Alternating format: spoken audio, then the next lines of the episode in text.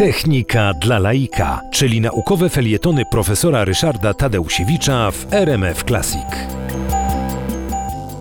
Y, Okazuje się, że jest zbieżność pomiędzy Tutanchamonem, faraonem, który umarł w 1323 roku przed naszą erą, panował bardzo krótko, i pewnym inżynierem polskim, o którym zaraz powiem dokładniej, y, no, który też panował krótko i, y, i którego właściwie pamięć utrwaliła się przede wszystkim wskutek tego właśnie, że, że umarł. Ale zacznijmy od Tutanchamona. Mianowicie, jak powiedziałem, umarł w 1323 roku, panował bardzo bardzo krótko i właściwie nie pozostawił po sobie żadnych śladów w historii, ale pozostawił grób. Grób, który jako jedyny, nienaruszony, zachował się w tak zwanej Dolinie Królów. Tam y, powodem było to, że y, grób Setiego, następnego faraona, wykuwano powyżej i gruz, który spadał z tego, z tego wykuwanego grobu wyżej, zasłonił wejście, rabusie się tam nie dostali.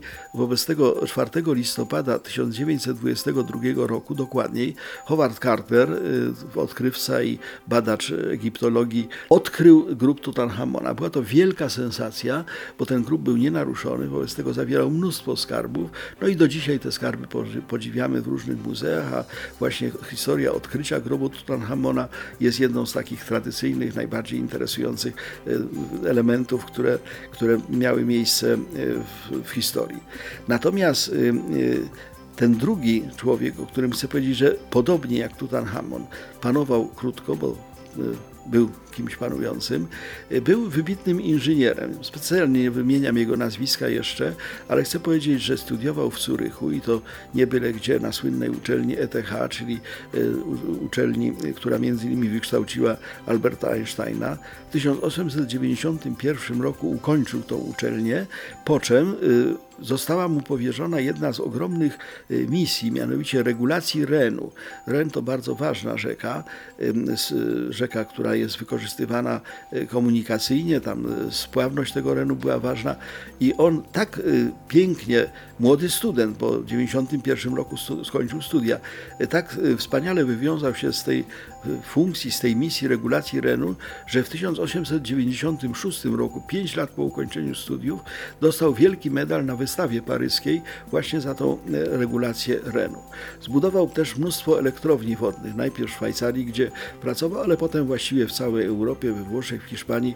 No, został profesorem tego ETH, ma tam nawet swoją tablicę, byłem pod tą tablicą, oglądałem, ale jedyną rzecz, którą o nim się pamięta, to jest to, że umarł. Mianowicie umarł 16 grudnia 1922 roku. Był to Gabriel Narutowicz pierwszy prezydent Wolnej Rzeczpospolitej.